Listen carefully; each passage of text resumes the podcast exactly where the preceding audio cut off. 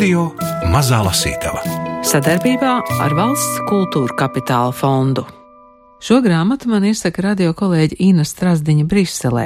Iesaka jau to brīdi, kad latviski ir iztulkota tikai pirmā franču rakstnieka un žurnālista Kristofa Onadi bio grāmata Ienirta. Mēs mazliet pagaidām, kamēr Vineta Bērga iztulko otro grāmatu, kas patiesībā veido diptihu, ticēt brīnumainajam un lasām. Bet kamēr mēs ar Gundaru Āboliņu lasām, autors ir bijis arī Latvijā. Savukārt Ina Strasdiņa ar viņu tikusies jau divreiz viņa žurnāla redakcijā Parīzē. Ar viņas laipnu atļauju šajā raidījumā skanēs arī fragmenti no Īnas raidījuma īstenības izteiksme. Būs arī otra tikšanās, bet vispirms sazvanu Inu Strasdiņu Briselē, lai jautātu, kāda bija viņas pirmā satikšanās ar Kristofu Onodibio. Jā, nu pati pirmā tikšanās bija pavasarī.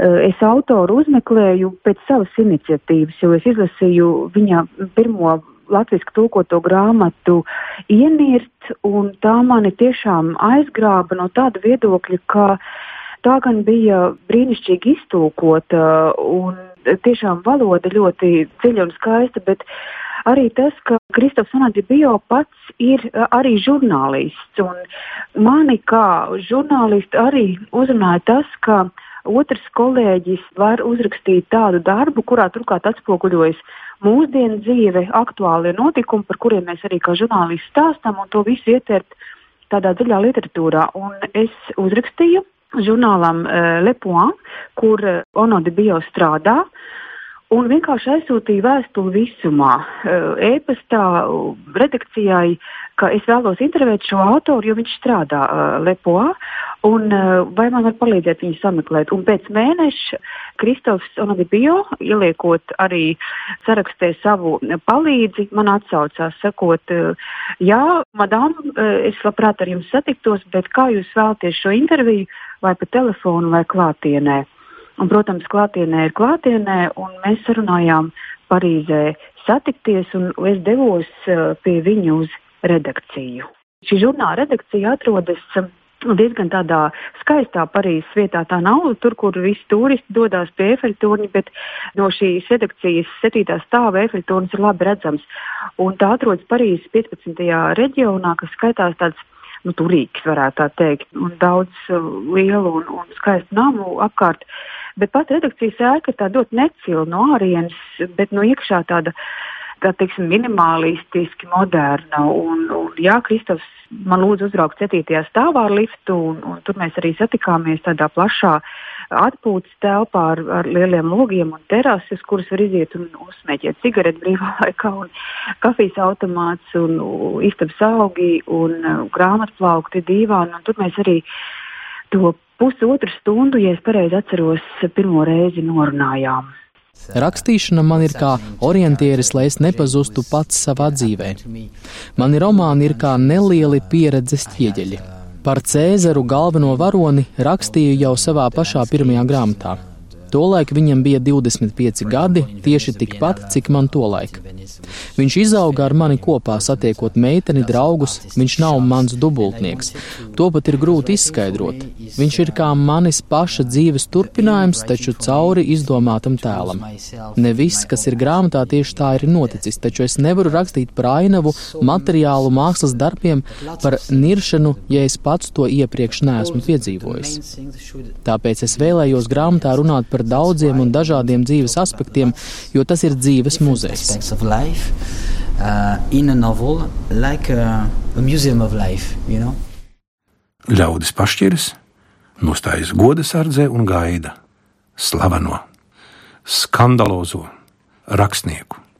Viņam mugurā melns uzvalks, krekla nav, bikses ar paaugstinātu vidukļa līniju, divrindu veste, galvā kažo kādas cepuri, pižiks. Ar to viņš izskatās pēc vecas rokzvaigznes vai Amazonas džungļu burvja. Turēdams rokā iesietu grāmatu ar iestudētu lēnīgumu, viņš tuvojas auditorijas priekšā uzstādītajam dizaina tronim. Rakstnieks apsēžas uz rūtīta tērauda krēsla, it kā pieņemtu pasūtījumus no retrofutūristiska iznīcinātāja, atver grāmatu, sakrusto kājas, ātri pārvelk ar roku pār pieri, lai aizliktu aiz auss no sakārtotajiem matiem pamukušu šķipsnu, un sāk lasīt skaistā, dziļā balsī. Klausītāji ir savaldzināti. Viņš runā grieķiski, es nesaprotu nenieka, bet tas ir skaisti. Naksnīgais gaiss nomierina, gandrīz sastindzina. Maziem malkiem dzer no jaunas glāzes, granātābolu sēklas kūst mutē kā saldi ikri. Es jūtos labi, un sajūtos vēl labāk, kad atnāk nanā un apsēžas man blakus. Viņi skaidro, eh, Tas ir tāds kā seno laiku dieva ceļojuma stāsts. Dievs nokļūst mūsdienās un atklāja monoteismu. Saprotams, viņam tas šķiet ļoti savādi. Viņš stāsta pirmajā personā un brīnās. Līdzīgā stilā kā persiešu vēstules. Tieši tā, mans tēvocis dievina Monteskie un jūsu apgaismības laikmetu, laiku, kad iemācījāt pasauli sapņot, un jūsu zeme bija progresa darbnīca. Jums tas ir jāatceras. Viņš tikko lasīja lappuses, kurās dievs kāpja Atona kalnā. Grāmatai bija milzīgi panākumi Grieķijā, bet mans tēvocis ieguva arī nopietnus ienaidniekus. Tik traki! Personāža naivais skatījums ļauj izveidot samērā dzēlīgu mūsdienu pasaules pretrunu tēlojumu. Turklāt dievs izskatās pēc satīra. Ļoti patīkama, taču tāda, kas liecas klausīt visām savām vēlmēm, gan nedomājot neko ļaunu. Pienāk jauna sieviete un piepilda manu glāzi. Nanā atsakās un turpina čukstēt man ausī.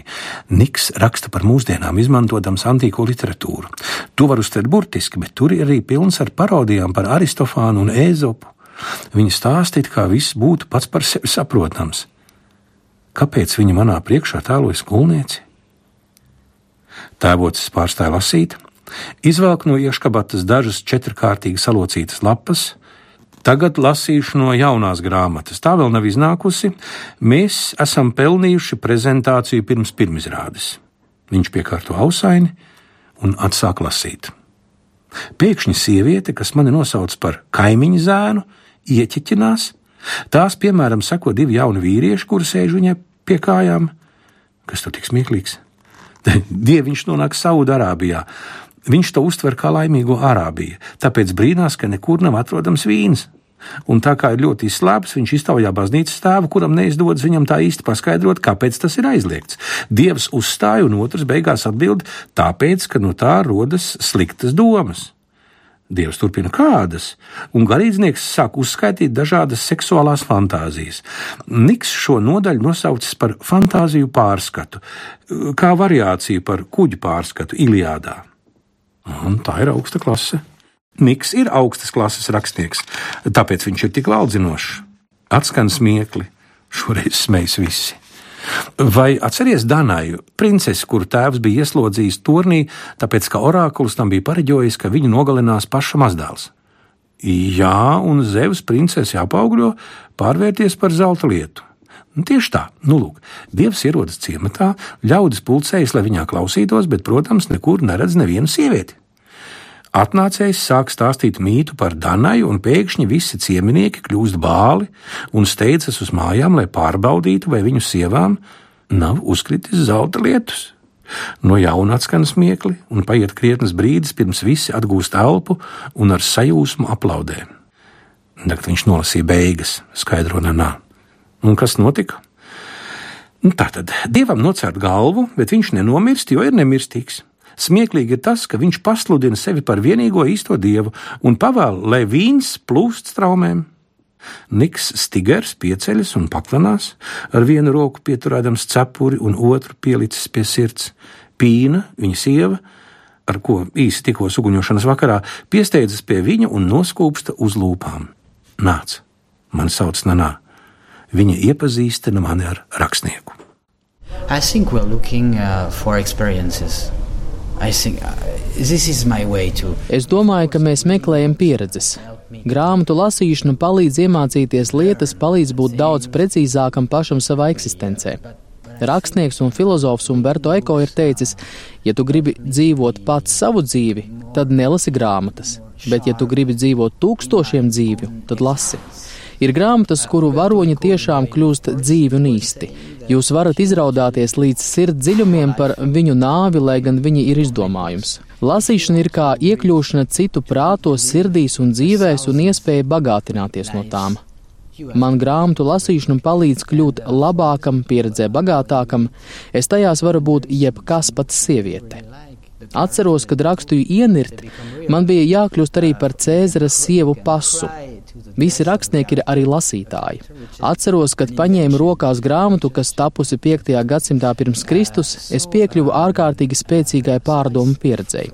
Vai arī romiešu dzēnieks Ovīdijs, kad viņu izsūtīja no Romas, uzrakstīja fantastiskas poēmas par trimdu, cik grūti ir dzīvot ārpus savas zemes, kā tevi nepieņem, un šodien tas viss atkal ir ļoti aktuāli. Domāju, ka mūsdienu migranti ļoti labi tajā sevi saskatītu. Man lasot, ir ļoti svarīgi šī enerģijas laika pieredzes pārnese. Really, really Esam tumsā, smogs sabiezējis, skūteris traucas. Es piedāvāju pārņemt vadību, tu nezināsi adresi. Sarkanās gaismas plūcas ar zaļajām. Viņi tās neņem vērā. Parīze ir tukša, Parīze ir ātra. Manas rokas iekrampējas sēdekļu rokturos, kāpšļu šaurums brīžiem provocē elektrizējošu saskarsmi ar vadītājas kāju muskuļiem. Šī meitene mani pārved visās šī vārda nozīmēs. Ļaudis aiz automašīnu logiem mūs noskata. Vai mēs braucam pārāk ātri? Vai viņa ir tik neparasta? Viņa man satrauc. Pārāk daudz atbildžu uz visu. Asfalts zem riteņiem kā uz pusēm plīstoša lente. Nezinu, kur atrodos, bet mani vairs nemoka sirdsapziņa. Jūtu braucamo vibrējumu, mēs liecamies tam līdz līkumos. Ielu lukturu gaisma izstiepjas horizontālās līnijās. Tas ir plūstoši, ātri un skaisti. Pēkšņi viņa samazina ātrumu, bremzē un pieliek ķēdes pie zemes. Esam klāt. Es nokāpju, viņa noņem ķiveri, blondie mati, tumsā laistās. Kurp mēs ejam? Pie draugiem, arhitektiem. Lifts aizver aiz mums durvis, jo augstāk braucam, jo skaļāki kļūst basi. Sejā iecērtas elektronisks vilnis, kad mums atver brunete ar košu sarkanu muti, un sagrābīja viņu savos apkampienos. Nā, nā, viņa pieliecis man pie auss, izklaidējies, nedomā ne par ko. Example, Instagram. Instagram. Use, uh... Piemēram, mani ļoti šokē Instagrams. Es arī to lietoju, tāpat kā citi cilvēki, un daudzi tajā atzīmē laika, jeb patīk pogu. Īstenībā neiedziļinoties, kas tad viņiem īsti patīk bet tā ir savstarpējā apmaiņa. Ja es kādam izrādīšu uzmanību, tad saņemšu to arī pretī. Man šķiet, ka mēs esam pārāk pārņemti ar sevi, lai iedziļinātos otra vēstījumā par dzīvi, par daudzām lietām. Savā grāmatā ienirt es rakstu par ļoti pilnīgu un radikālu mīlestību. Es vēlējos attēlot to, kā mīlestība var eksistēt un augt divos tik ārkārtīgi dažādos cilvēkos. Tāpēc grāmatā šis stāsts galu galā tiek izstāstīts bērnam šīs sarežģītās, bet iespējams mīlestības auglim. Pa Šinkanas sena logiem Fuji kalns nav redzams, pārāk miglains. Virs galvas sarkana led skrejošā rinda paziņo nākamo staciju Mišimā. Vai rakstnieki ir arī vietas? Šķērsoju iekšējo jūru, Ekipāža prāmja aizmugurē grauž wasabi čipsus un vēro mutuļojošo putu čūsku. Esmu vienīgais pasažieris, kas izkāpa Tešimas ostā. Krastmalā pavacāks vīrietis un sieviete gumijas zābakos un pītās meldru cepurēs lasa gliemežnīcas. Pat tad, kad abi izslienas, viņu muguras ir sakumpušas. Noīrēju elektroriteni. Viegls uzspiediens uz pedāļa, un simt metri jau nobraukti. Sajūta, ka pārvietojos ar septiņjūdžu zābakiem. Vēja gandrīz nav. Gaisma ir ārkārtīgi gaiša, absolūts miers, iekšējā jūra. Saprotu, kāpēc to tā sauc. Mākslas centrs atrodas pakalnā, pārkāries pār jūru. Tiešām ūdenslāse novietota klajumā. Taču šajā ūdenslāsē iespējams ieiet, ja novelc apavus.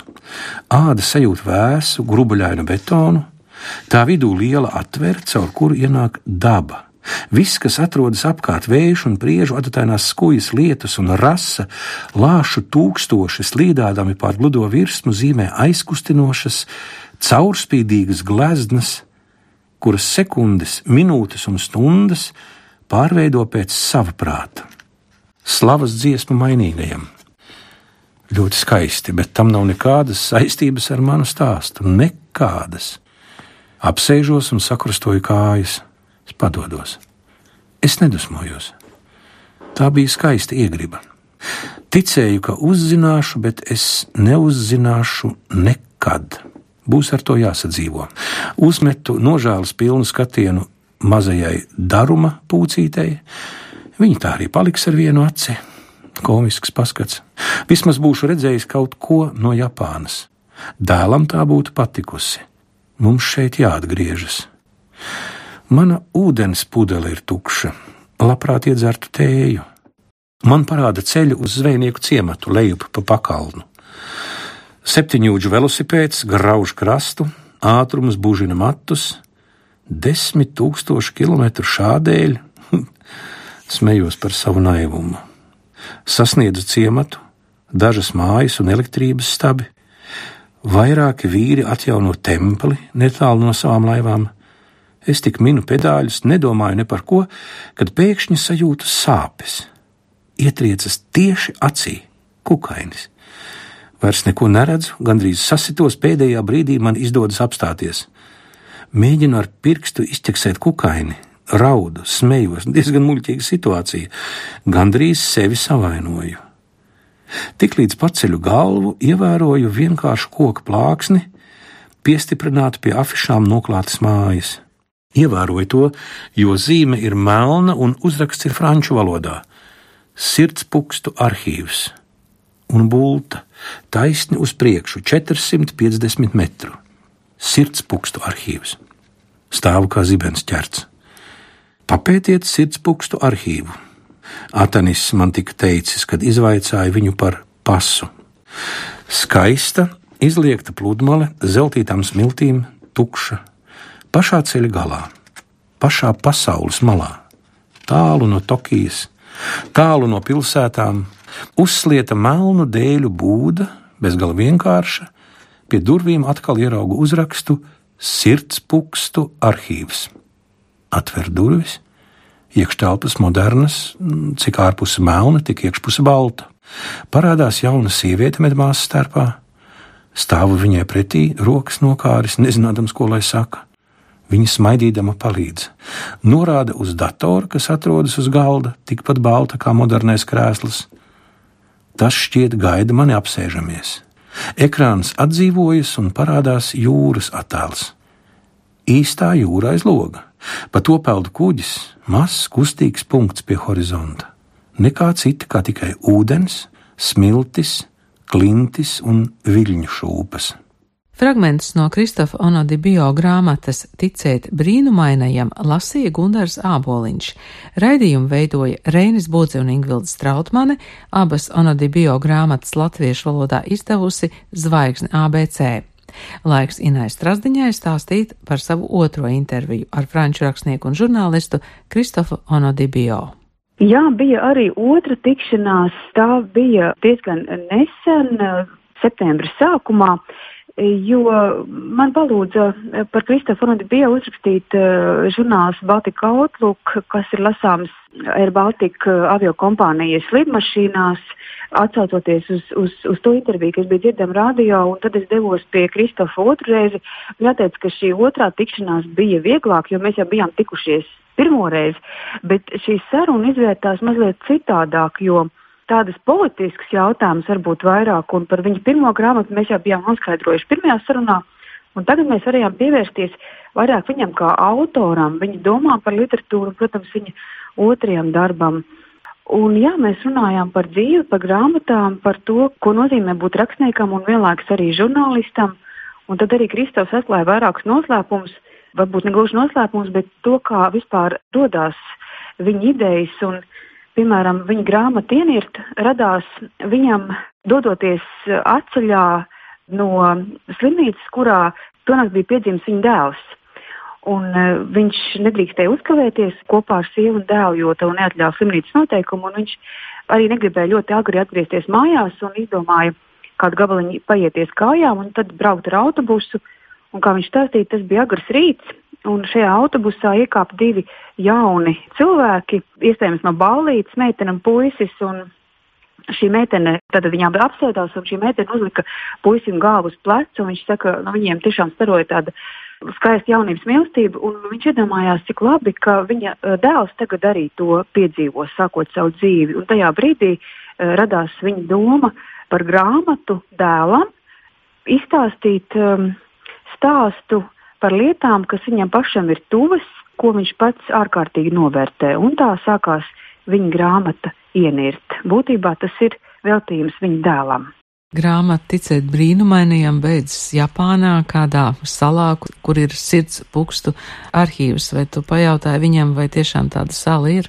Es, diemžēl, viņam to nepajautāju, jo Tad es pajautāju daudzus citus faktus, jo, jo viņa grāmatas ir pilnas ar ļoti interesantu informāciju par dažādām zemēm, par viesnīcām, par mākslas darbiem, muzejiem. Viņš raksta arī daudz par Venecijas bienāli un arī, arī šis ļoti interesantais Japānas fakts. Protams, pati ieniršana, kas arī bijis cauri šīm grāmatām. Kristofs sacīja, ka viņš, protams, raksta to, ko viņš pats ir pieredzējis bet tas nenozīmē, ka viss ir ļoti dokumentāls, jo viņš saka, ka viņš kā rakstnieks izdzīvo vairākas dzīves un, un, un arī dzīves savās domās. Tādēļ ir tas, ko viņš pieredz un tas, ko viņš arī e, izdomā. Bet es domāju, ka šāds muzejs ir, jo man liekas, ka tomēr kā žurnālists viņš uz šiem faktiem arī balstās. Un, nu, nākamreiz attiekoties, es ceru, ka būs arī trešā reize, jo trīs lietas labs lietas, noteikti to arī pavaicāšu.